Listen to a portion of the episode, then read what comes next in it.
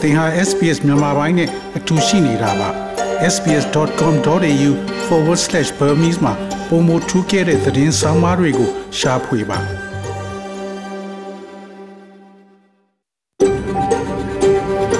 SBS, a world of difference. You're with SBS Burmese on mobile, online, and on radio. mobile online နဲ့ radio ပေါ်မှာသင်ဟာ SPS မြန်မာပိုင်းနဲ့အ တူရှိနေတာဖြစ်ပါတယ်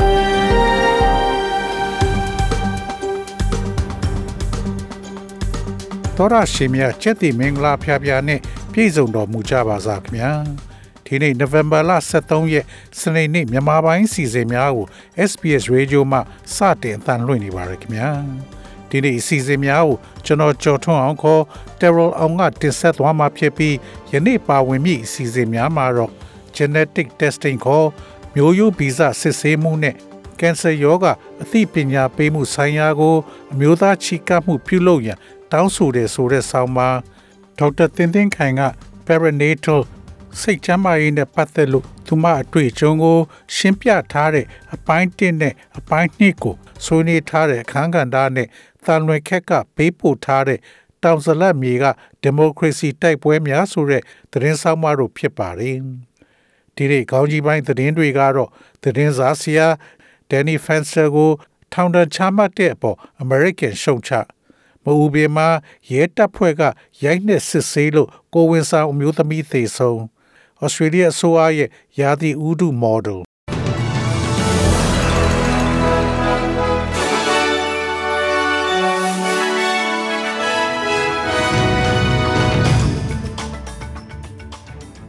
ယခုချိန်ကစပြီးသတင်းများကိုကျွန်တော်ကြော်ထုတ်အောင်ကစတင်ဖတ်ကြားပါတော့မယ်။သတင်းစာစီယာဒန်နီဖန်စတာကိုထောင်ဒဏ်ချမှတ်တဲ့အပေါ် American ကပြင်းပြင်းထန်ထန်ရှုံချ American နိုင်ငံသားသတင်းသမားဒန်နီဖရန်စတာကိုမြန်မာစစ်ကောင်စီကထောင်ဒဏ်ချမှတ်လိုက်တဲ့အပေါ် American ပြည်ထောင်စုကပြင်းပြင်းထန်ထန်ရှုံချလိုက်ပါတယ်။ဒါဟာအပြစ်မရှိသူတူပေါ် မတရားသဖြင့်စီရင်ဆုံးဖြတ်ချက်ဖြစ်တယ်လို့နိုင်ငံခြားရေးဌာနပြောခွင့်ရသူ Ned Price ကပြောဆိုပါတယ်။အခြေအနေကိုမိမိတို့အနီးကပ်စောင့်ကြည့်နေပြီး Danny Francer ကိုချက်ချင်းလွှတ်ပေးရေးအတွက်ဆက်ပြီးလှုံ့ဆော်သွားမယ့်အကြောင်းသူ့ရဲ့မိသားစုစီကိုဘေးအန္တရာယ်ကင်းကင်းနဲ့ပြန်မရောက်မချင်းလှုံ့ဆော်သွားမယ့်အကြောင်းကိုလည်း American နိုင်ငံခြားရေးဌာနကပြောဆိုပါတယ်။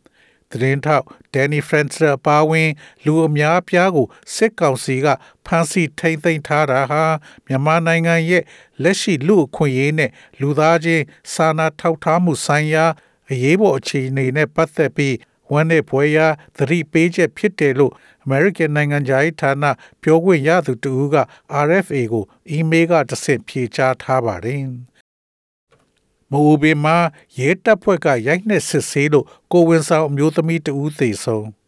အေယာဝတီတိုင်းမအူပင်မြို့မှာပစ္စည်းပြောက်မသင်္ကာမှုနဲ့ရဲတပ်ဖွဲ့ကရိုက်နှက်စစ်ဆေးတဲ့အတွက်ကိုဝင်ဆောင်အမျိုးသမီးတဦးနိုဝင်ဘာလ17ရက်မနေ့ကသေဆုံးသွားပါတယ်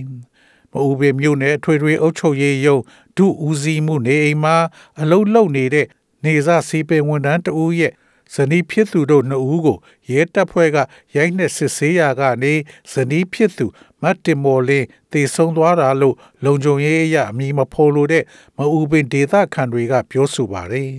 မတ်တင်မော်လင်းဟာသေဆုံးချိန်မှာကိုဝင်နှလရှိပြီလို့လည်းသိရှိရပါတယ် တူဦးစီမှုရဲ့နေအိမ်ကရွှေတယ်နဲ့ငွေကြေးတချို့ပျောက်ဆုံးသွားမှုနဲ့ပြီးခဲ့တဲ့နိုဝင်ဘာလ9ရက်မှာမတ်တင်မော်လင်းတို့လင်မယားနှစ်ဦးကိုတယောက်တနေရာခွဲပြီးရိုက်နှက်စစ်ဆေးရကနေလက်လုံပြီးသေဆုံးသွားတာလို့ဒေသခံတွေကပြောဆိုပါတယ်။ Australian အစိုးရရဲ့ယာဒီဥဒု model ယာဒီဥဒုအုပ်စုများသည်ဩစတြေးလျနိုင်ငံရဲ့2050ယာဒီဥဒုစီမံချက်ကို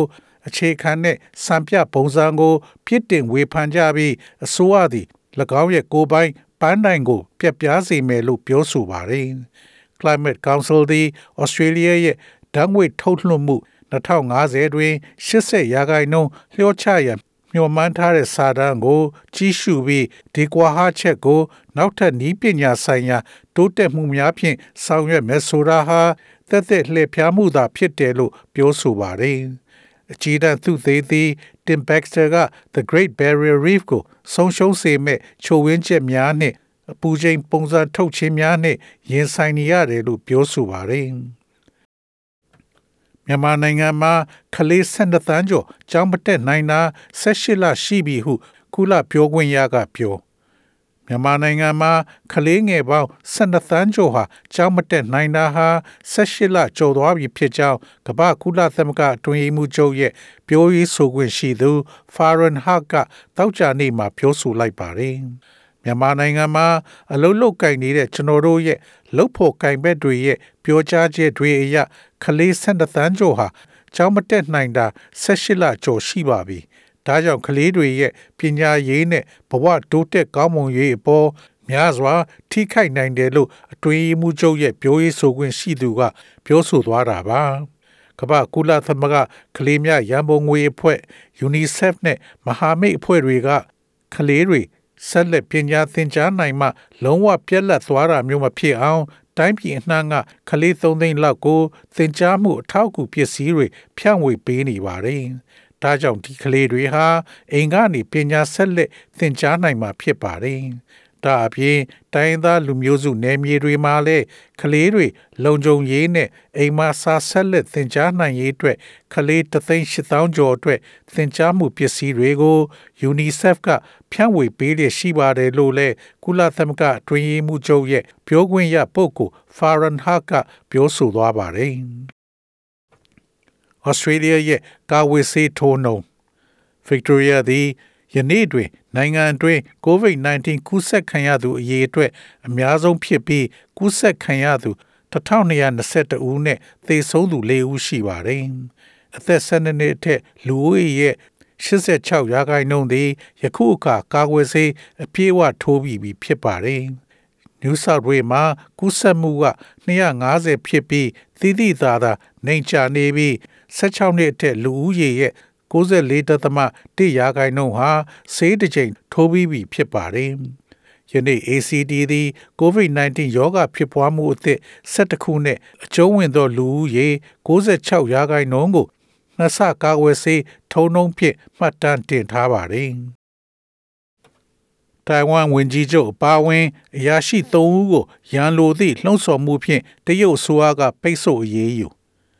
တိုင်ဝမ်ဝန်ကြီးချုပ်နဲ့တခြားအကြီးတန်းအရာရှိနှုတ်ကိုတိုင်ဝမ်ရေလက်ကြားတလျှောက်ရန်လိုမှုများဖြစ်စေရန်လှုံ့ဆော်သည်ဟုဆွဆွဲက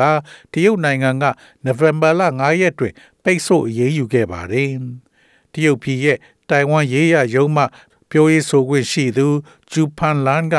၎င်းတို့အဆိုအသည်ခေါင်းမာသောခွဲထွက်ရေးသမားများဟု ခေါ်သည့်လူများကိုဥပဒေနဲ့အညီပိတ်ဆို့ရေးယူသွားမည်ဖြစ်ကြောင်း NHK World မှာဖော်ပြခဲ့ပါတယ်။တန်ခတ်ရေးယူခံရသူများထဲတွင်တိုင်ဝမ်ဝန်ကြီးချုပ်ဆူဆန်ချန်နိုင်ငံခြားရေးဝန်ကြီးဂျိုးဆက်ဝူးနဲ့ဥပဒေပြုလွှတ်တော်ဥက္ကဋ္ဌရီဆူကွန်းတို့လည်းပါဝင်ပါတယ်။စီရင်တွင်ပါဝင်သူများသည့်တရုတ်ဟောင်ကောင်နဲ့ မကာအိုတို့ဝင်ရောက်ခွင့်တားမြစ်ထားပြီးစီးရင်တွင်ပါဝင်သည့်လူများနှင့်ဆက်ဆက်နေသောကမ္ပဏီများကမကထပြုသူများနှင့်ဆက်ဆက်နေသောတရုတ်ပြည်တွင် စီးပွားရေးပြုလုပ်ခွင့်ပိတ်ပင်ထားမည်ဟုလည်း NHK World ကဖော်ပြထားပါသည်။တိုင်ဝမ်ပြည်မကြီးရေးရကောင်စီကပိတ်ဆို့အရေးယူမှုများကို ပြင်းပြင်းထန်ထန်ထုတ်ပြန်ခဲ့ပါတယ်။သက်ဦးစံပိုင်နဲ့အာနာရှင်နိုင်ငံမှရန်လိုမှုနဲ့ချင်းချောက်မှုများကို လက်မခံကြောင်းထုတ်ပြန်ချက်ကပြောဆိုပါတယ် SBS SBS SBS SBS SBS This is SBS Radio. ငွေလဲနှုန်းမှာတော့ Australian dollar ကိုမြန်မာကျပ်ငွေ1302ကျပ်ရရှိပြီး American dollar ကိုမြန်မာကျပ်ငွေ1986ကျပ်ရရှိပါတယ်။ Australian dollar ဟာ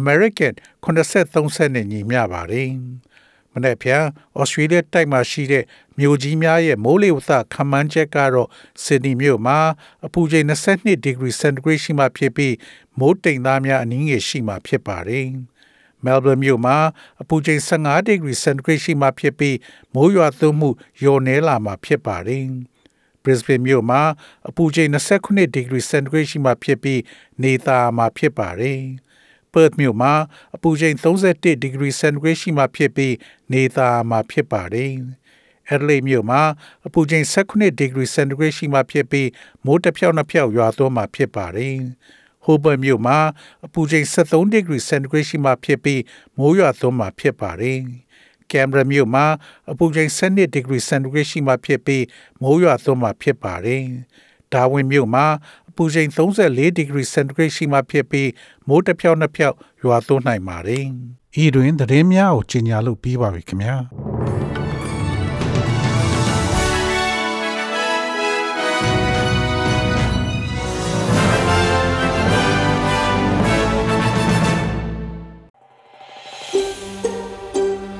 ။ဒါမျိုးသတင်းဆောင်မတွေကိုပိုနားဆင်လိုပါလား Apple Podcast Google Podcast Spotify တို့မှာသင်ပင်ရာဖြစ်ဖြစ်ရယူတဲ့ podcast ကနေပါ